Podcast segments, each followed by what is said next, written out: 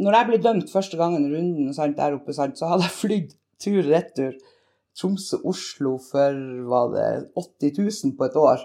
Og da har du et lite forklaringsproblem når du ikke har jobb, du går ikke på Nav, og du har to leasingbiler og leilighet i, i Tromsø og Oslo.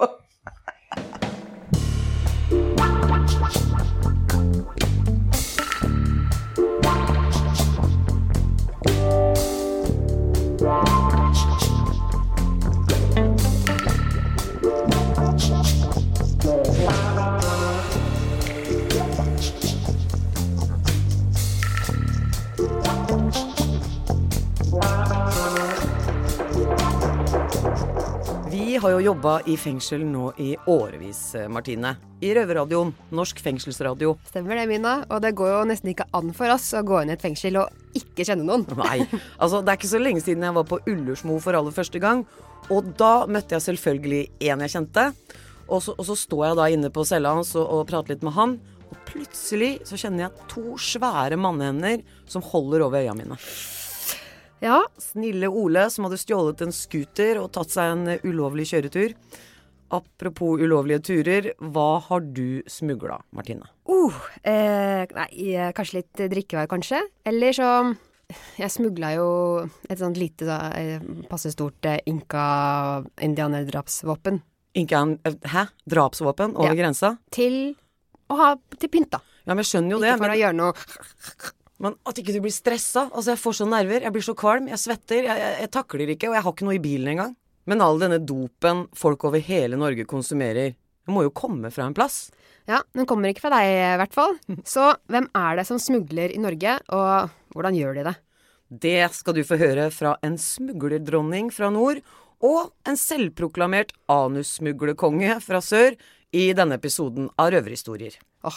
Når man driver med ulovligheter, må man ofte ty til andre ord enn de vi er vant med. Ja, og som streite folk eh, ikke kan. Men heldigvis så har vi vår faste hjelper her i Røverhistorier, nemlig ordoraklet Osman. Hallo, ja. Er det Osman? Ja, frøken Ran Ja. Og, og Bibi. Ja! Hallo!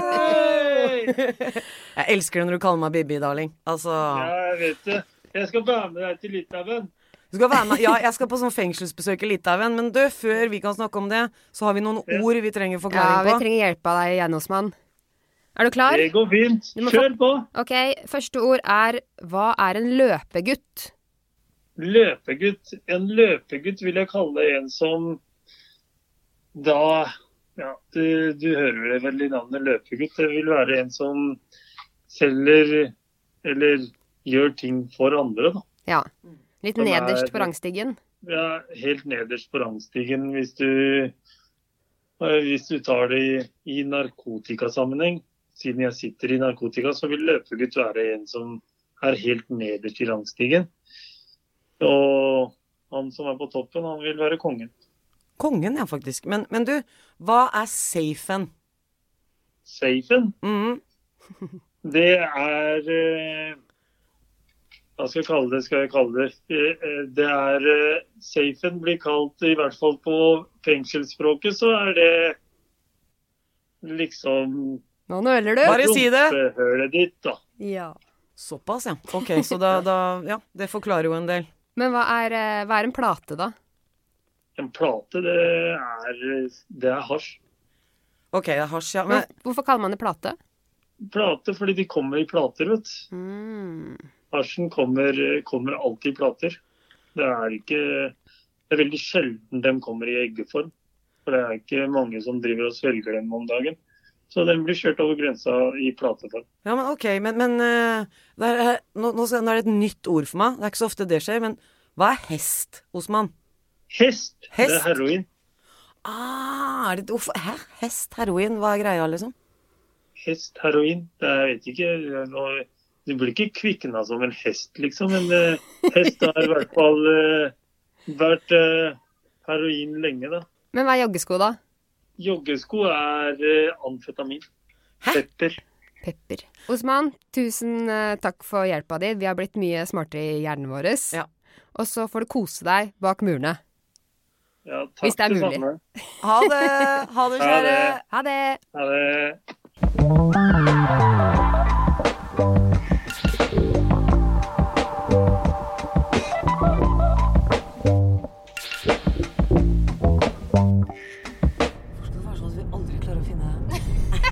Altså, vi må alltid kjøre forbi dit vi skal, liksom.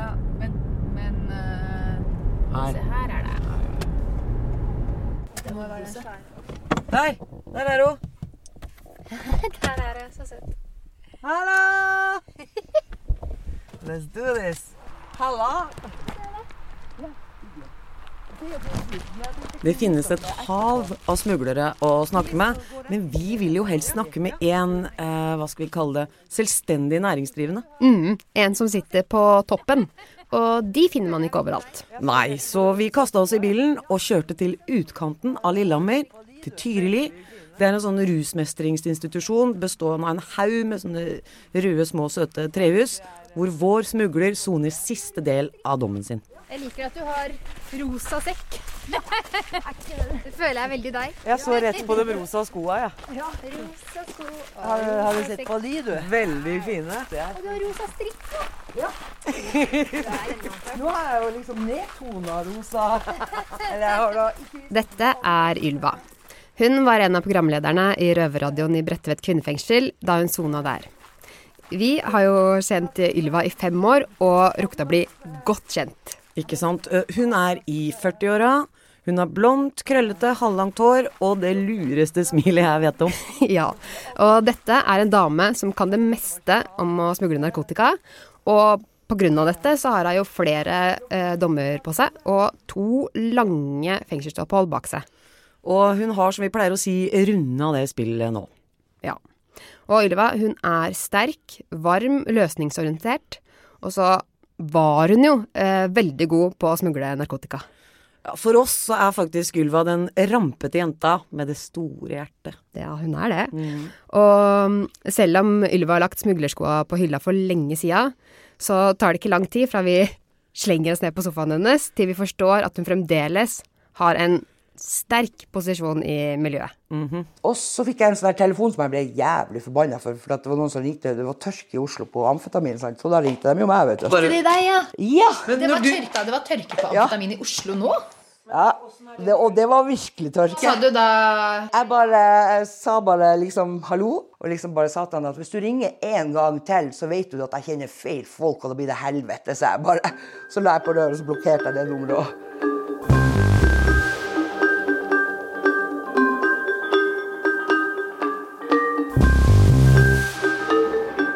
Men du, for du har blitt tatt uh, to ganger?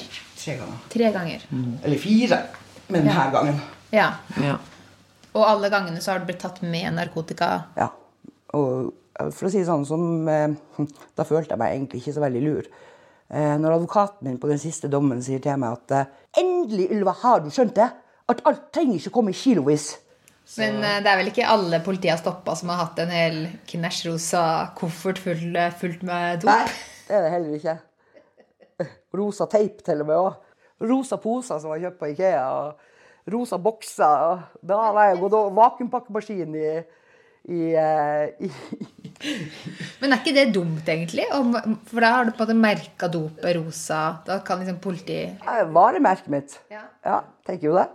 Åssen ble, hvordan ble du amfetaminens store dronning i Norge? Altså, hvordan er det du kom liksom Åssen har du havna der? Ja, si det. Eh, det begynte vel egentlig med at jeg eh, jobba i Telenor Media som selger. Eh, alltid vært litt sånn nysgjerrig skru. Første gang jeg prøvde amfetamin, så var jeg jo bare 21-22. Eh, og skjønte ikke vitsen med å være våken i 24 timer. Eller 48, da, den gangen. Eh, så da gikk det vel nesten ti år før jeg prøvde det på nytt igjen. Så du var i 30-åra da du Ja. liksom Nei, Ja, ja. nå Men hva gjør at du da sier Nei, Det bare for at eh, kokain ble for dyrt, tror jeg også. Ja, for du Ja. var i det cellemiljøet. Ja, jeg var i det, var så der med høy sigarføring og Det er ikke akkurat vanskelig å se for oss Ylva som selger, men, men det å kombinere salgsjobb og rus, det går stort sett ikke så bra i lengden. Nei, det er ikke det. Og Mina, du og jeg, vi kjenner jo mange som det virkelig har gått gærent for. Og det er også tilfellet med Ylva etter hvert. Ja, fordi det starter jo med at hun flytter tilbake til hjembyen Tromsø og bytter ut selgejobben med jobben som nattevakt på et hotell. Der begynner hun og en kollega, som har kjennskap til miljøet, da, å bruke amfetamin for å, å holde ut arbeidsdagen. Ylva blir etter hvert eh, lei av alt kjøret, så hun flytter tilbake igjen til Oslo og får seg en ny selgejobb der. Ja, men på et tidspunkt så skjønner Ylva at hun ikke klarer å holde på jobben sin, når hun stadig bare ruser seg mer og mer, så hun sier opp jobben. Og så satt jeg hjemme i sofaen min i sånn ca. 14 dager og lurte på hva faen jeg skulle drive med nå. For Nav skulle jeg ikke på. Det var avleggs. Altså Nav for meg, det er liksom der Be om hjelp der. Hm. Så tenkte jeg bare det koster 1000 kroner gram i Oslo, nei, i Tromsø for amfetamin. Jeg bare, og, så, og da hadde jeg ikke så mye connection. Jeg hadde kanskje drevet og tukla litt med salg nede i Oslo. Så da bare eh, tok jeg kontakt, og så fikk jeg en fyr til å låne meg en halv kilo. Og så dumpa det innom to kompiser fra Tromsø, og så tok han ene med meg i en bil, en leiebil, så kjørte jeg opp til Tromsø. Og sånn var karusellen i gang.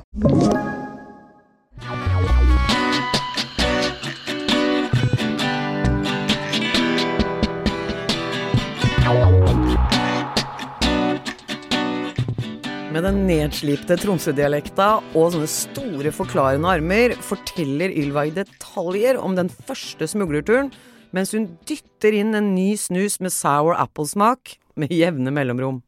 Se det for dere. Ylva i førersetet i en lisa bil full av kontanter og en kjeltringkompis i baksetet på vei til hjembyen Tromsø, klar for sitt første smugleroppdrag. Han er jo med meg i denne bilen på veien opp sant, sammen med narket.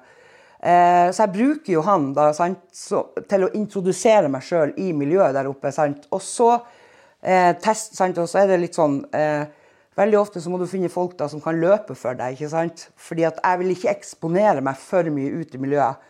Så, og så betalte jeg han da i varer. ikke sant? Da hadde jeg jo fått det innpasset jeg trengte. sant? Og så, det er klart, Hvis du kommer opp og har de beste varene, og så er du litt sånn sant, eh, Miljøet kan være hardt altså det, var liksom, det var enkelte som satt på godteriposen der oppe. Eh, og så kom jeg inn, så jeg visste jeg hadde de beste varene i hele byen.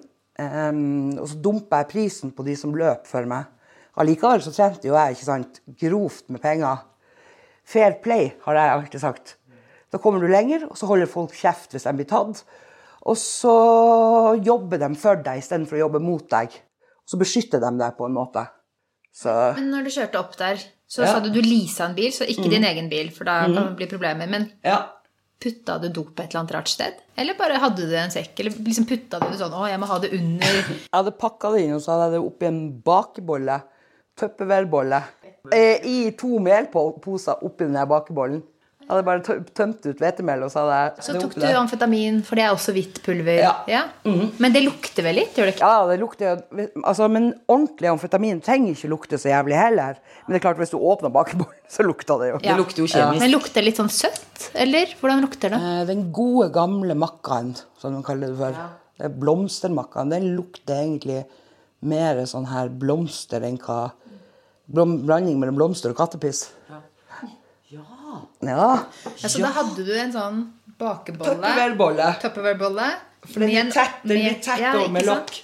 Og som en melpose oppi der, Ja. full av amfetamin. Ja. Sitter i leasingbil og så kjører opp til en hytte. Ja. Hytta har fant jeg du- når jeg var kommet opp dit. da. Ja, og så har du en business ut fra den hytta. Ja.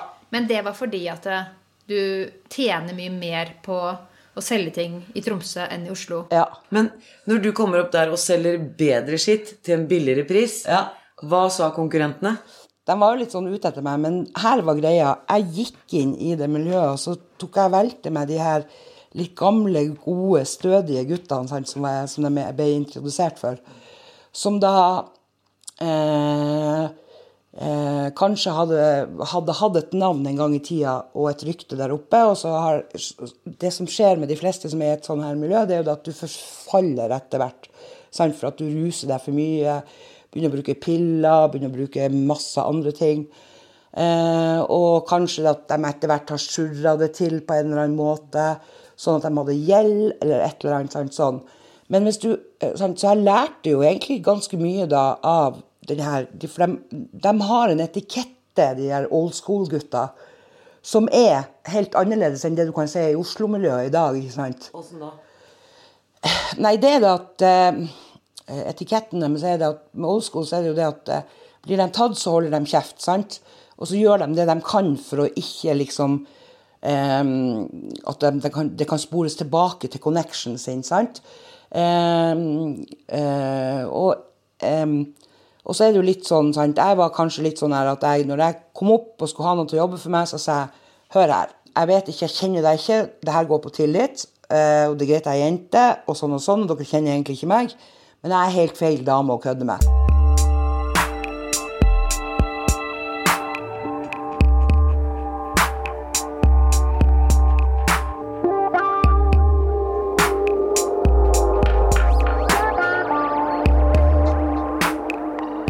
Så for første gangen så tok du en bil opp. Ja.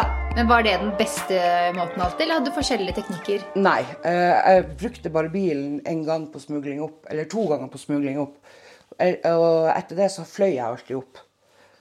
Uh, og når jeg ble tømt opp der oppe, så husker jeg en av de tingene politiet jeg, altså, jeg tror at politiet har en sånn tendens at de tenker sånn når de ser meg, at uh, oh, dette blir et lett offer når det kommer til til det å spørre henne ut om liksom, hvor hun har fått varene fra, hvordan hun har fått det med seg, bla, bla, bla. For at jeg ser vel ut som et sånn gudsord fra landet, tror jeg, egentlig. Du ser veldig sø søt og snill ut. Ja, det er det du gjør. Du ser Og så har du jo, søt og. Og så er du så glad i rosa. Ja. Liksom. Er sånn I hvert fall sånn når du gikk ut i stad med sånn liten rosa sekk og rosa Ja. sko med sløyfe på, Ja. rosa strikk i Ja. håret, blonde krøller. Du ser, du ser, du ser, jo, du ser jo ikke ut som en eh, Men, åssen ser en Ja, smugler hvor- ut, hvordan ser en smugler ut, da? det vet du bedre enn oss. Fortell om liksom forskjellige måter å smugle på. da, For det var bil to ganger, men hva med andre? Og så var det fly. Ja, fly. Um, når jeg ble dømt første gangen i runden sant, der oppe, sant, så hadde jeg flydd tur-retur Tromsø-Oslo for var det 80 000 på et år. Og da har du et lite forklaringsproblem når du ikke har jobb, du går ikke på Nav, og du har to leasingbiler og leilighet i, Os i Tromsø og Oslo. Så når jeg hører at du sier at du har smugla på fly, så Ja. skjønner jeg ikke en dritt. For man går gjennom kontroller. Jeg får er nervesammenbrudd av å gå der uten noen ting. jeg. bikkjer. Altså, jeg skjø- det, hvordan får man til det? Altså, det første du, du kan ikke legge det i bagasjen. Det gjorde jeg jo aldri. Eh, noen ganger sant, så var det sendt med Nordkargo. Og den tida der så hadde jo ikke jeg vakuumpakker. Det var jo ikke noe som var sånn Ja, det var vel vakuumpakker, men ikke i de, det formatet jeg drev. Eh, så da pakker jeg det godt inn. Og hvis du pakker det godt nok i plast eh, og surrer da gladpakk rundt, og så legger du på noen lag med teip av den, så vil du fjerne ganske Du vil fjerne lukta. Eh, men jeg hadde jo aldri kofferten. De gangene jeg sendte med Nordkargo, hvis jeg hadde for mye varer at jeg ikke klarte å pakke det på kroppen, så, så skru- skrudde jeg det inn i et, et, et stereoanlegg som er billig fra Claes Olsson. Og så bare sendte jeg det i en pakke, og så hadde jeg en venninne der oppe som jeg sendte det til, som aldri hadde vært i narkomiljøet, aldri blitt tatt for noen ting. Som da gikk på Nordkargo og henta det ut. Og så kom jeg med samme fly med enda en pakke på meg. På deg. Ja. I lomma, liksom. Nei. Og teipa på kroppen. Nå har jo jeg liksom gått oppover i vekt, så jeg har jo litt mage. Litt løsskinn. Så um, når jeg smugla det husker jeg når jeg satt i avhør, så fikk de aldri vite dette her, politiet, hvordan jeg tok varene med meg opp til Nord-Norge. Men nå får vi vite det. Ja, nå får dere det. Nå- Eksklusivt. Eksklusivt for Røverradioen. Um, jeg bare laga det som ei pølse, og så teipa jeg det sant, inn. Og så eh, løfta jeg, la jeg det på magen sånn. Nå viser jeg dere, sant? Jeg løfta bare opp magen. Hun ligger på sofaen. Ja, ligger på sofaen. Løfta magen opp under sånn. Eh, og så eh, teipa jeg pølsa fast med sportsteip, og så la jeg magen over. Ok, så du lager en sånn Altså- pølse. Hvor mange kilo? Eller En kilo. En kilo med amfetamin, Ja. for eksempel. Rundt Nå ligger jeg på ryggen. Ja, men du må jo tenke deg at jeg, min mage er jo større, sant? så jeg løfta jo på det her, sant? og så lå den under. Sånn at hvis jeg ble strippa, hvis jeg, la, la oss si at jeg måtte ha kledd av meg, Ja. så lenge ikke de ba meg om å løfte på magen, så, ville, jeg- så var det ingen som så den pølsa som lå der. Men var du noen gang nær på å bli tatt? Nei. Aldri. Aldri vært noen som har sagt 'løft på magen din'? Nei. Aldri. Jeg skjønner det. stoppa? eller? Nei, ingenting. Ingenting. Gikk forbi eh, to ganger bikkjer på, på Gardermoen. Eh, en gang så tror jeg, da kjente jeg på hjerteklappen, for da satt jeg ute og røykte, og bikkja Jeg skjønner at det er narkobikkje idet hun passerer meg. Eh, men hun har jo ikke lukta noen ting. Da satt jeg jo på med, da hadde jeg jo tatt flytoget opp og var ute og røykte for jeg Da skulle gå. sitter du ute på Ja. og røyker, så går det en narkobikkje. Ja. Og så vet du at hele magen din ja, er full av full av narkotika. Jeg har BH nå.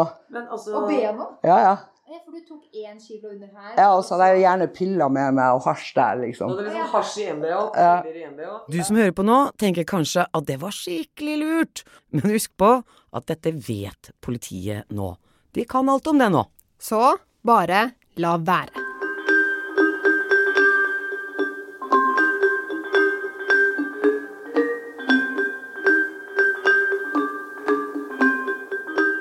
Men det er et spørsmål som dukker opp her, da. Ja. Fordi jeg har sett altfor mye på sånn border control og sånn. Ja. ikke sant?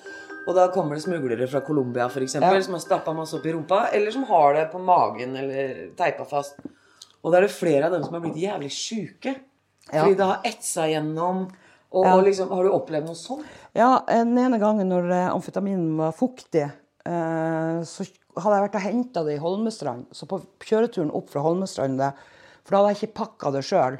Så da fikk jeg meg en sånn her skikkelig lærdom på at aldri teip noe på kroppen som du ikke har pakka sjøl. For jeg var jævlig nøye med innpakninga. Og da hadde jeg jo, når jeg da kom fram til Oslo, jeg måtte jo stoppe og bare hive den i baksetet og under jakken. Fordi at når jeg da kom fram til hotellet i Oslo, så hadde jeg store brannsår un altså under magen. Det er seg inn. Ja, Men da blir du jo rusa òg. Ja Nei jeg vet ikke Vi hadde blitt det. Ja, Ja, vi hadde blitt det. jeg var vel kanskje- såpass rusa at eh, Ja, ja.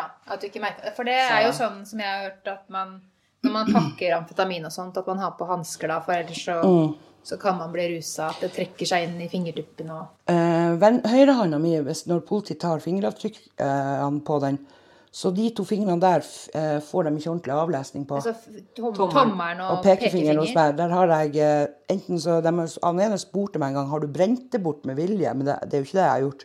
Det var fordi at jeg før i tida, når jeg begynte i bransjen, pakka ting uten hansker.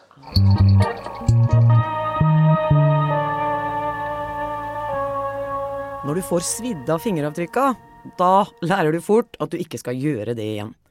Ylva lærer av det og blir proff til å pakke. Faktisk så proff at hun får seg pakkejobber. Mm. Du har sikkert sett en eller annen sånn der narkoboss-film hvor folk ikledd hvite singletter sitter og svetter i et eh, lokale i Colombia og pakker dop. Men eh, i realiteten så kan dette foregå i nabogården din. Ikke sant? Fordi se det for deg. Du er en dag i leiligheten din og drikker morgenkaffen og ser utover de nydelige bygårdene. Bak ett av de vinduene med gardinene trukket for, der står Ylva. En røslig dame med blondt hår som pakker om kilovis av hvitt pulver. Jeg fikk ganske godt betalt da når jeg var inne i businessen. Eh, hvis jeg var fem kilo, sant, så fikk jeg eh, sånn 30 lapper bare for å pakke det. Hva betyr det? Det betyr at eh, da åpner du en kloss, og så gjør du det om til enten 50 grams pakker eller 100 grams pakker.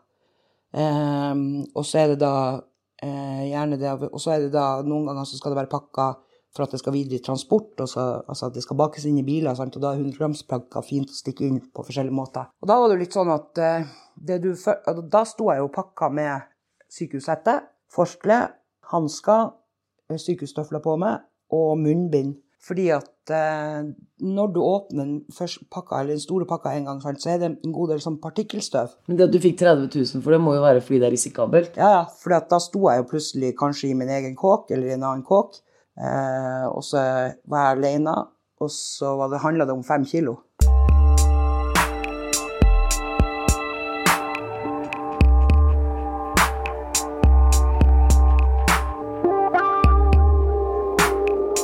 Det smugles jo ikke bare ut i det fri, det smugles jo også inn i fengsel. Ja, det er eh, mye dop i fengsel, fordi kriminalitet og rus, det henger jo stort sett sammen. Langt over halvparten av den som soner, soner av rus, og kommer inn avhengig av et eller annet. Ja, og så er det jo mange da som får soningstida si til å gå ved å innta litt eh, droger mens de ligger og kjeder seg på cella. Og det er ikke bare cannabis det er snakk om. Flere vi har møtt i fengsel, har fortalt at første gang de brukte heroin, var mens de satt inne. Ja, og så har det jo vært sånn at det har vært tørke i Oslo by, og så er det blitt smugla dop ut av fengselet igjen. Eh, så det, det sier jo sitt, da. Ja, så er det jo måten disse drogene blir smuglet inn på, da. Ja, for det er ulovlig.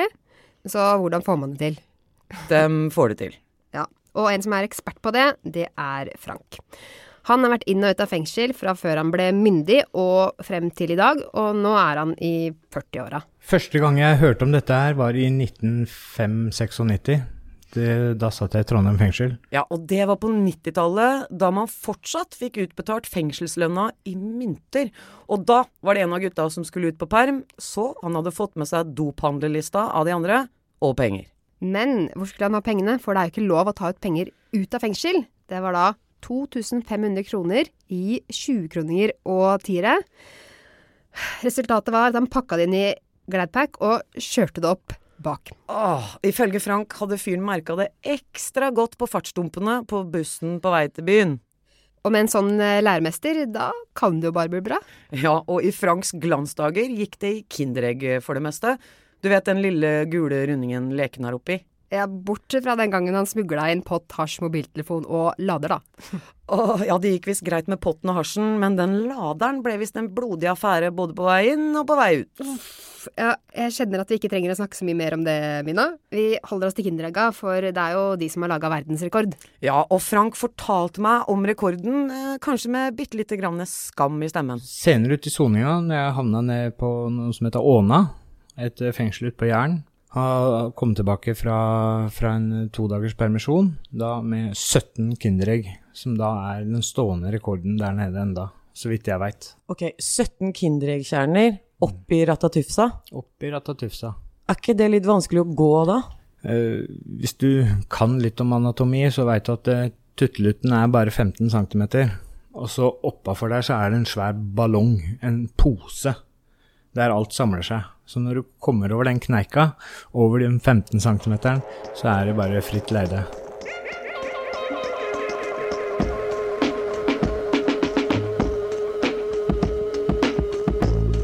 Når det kommer til fengselssmugling, har ikke vår smugledronning Ylva noe særlig å avsløre, for Ylva er en av de som foretrekker å sone edru. Stemmer. Men det vi lurer på om hun kan noe om, som vi er nysgjerrig på, er om det finnes noe kodespråk for smugling. Det var, det var jo kanskje en av de tingene som jeg husker da jeg kom seilende inn i det miljøet. Så prata de om makka og Det er makka. Makka er amfetamin, da, ikke sant? Og så ditten datten og tjo hei. Så tenkte jeg, liksom, og noen ganger sant, så hadde jeg jo ikke peiling på egentlig hva de prata om. Så da bare sa jeg at nå, er- nå skal jeg finne mine egne ord. Så noen ganger når jeg skulle på distribusjon, så sa jeg at nå kommer jeg og Odde Vodde innom en tur. Odde Vodde? Ja, det var da Makka. Okay, og Tar med meg han Odd, og så på en Odde Vodde-tur innom deg. Kreativt.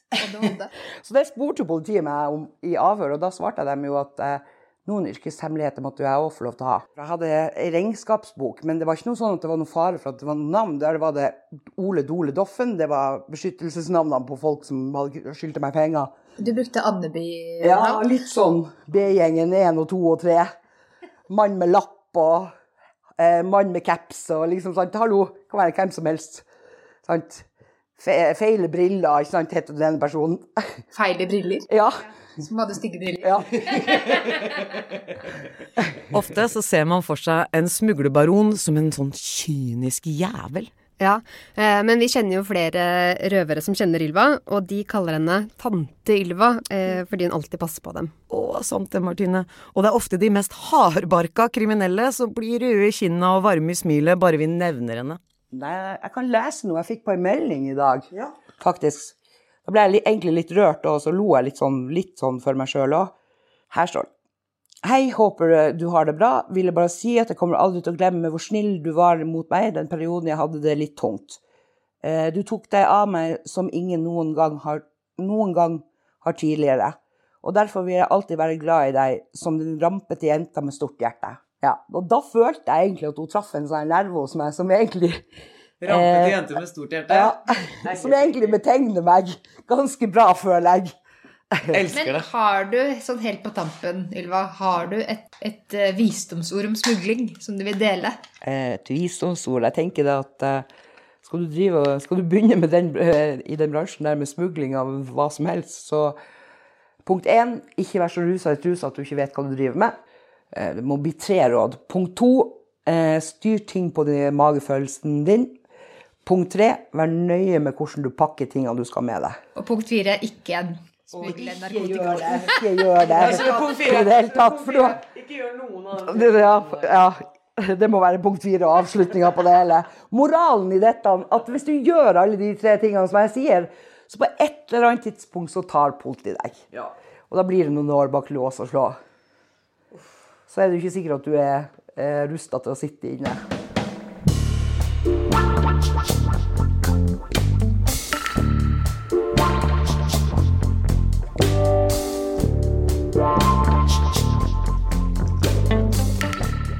Det er mange år siden Ylva var på smuglertokt for siste gang. I dag er hun i behandling for rusproblemet sitt og ser fremover. Ja, og om eh, Ylva holder seg rusfri, så har hun en lys framtid, for hun er så utrolig ressurssterk i seg selv. Altså, den dama der, hun kan få til hva hun vil. Åh, ja, vi drømmer om den dagen Ylva kan komme og jobbe for oss. Det hadde vært nice. Ja.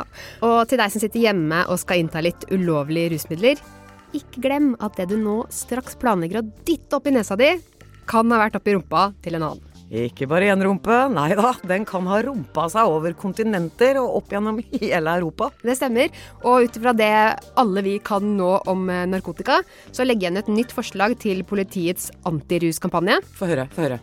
Ikke bruk narkotikarus, for det er ikke tøft å ta noe som andre har hatt i anus. Yeah!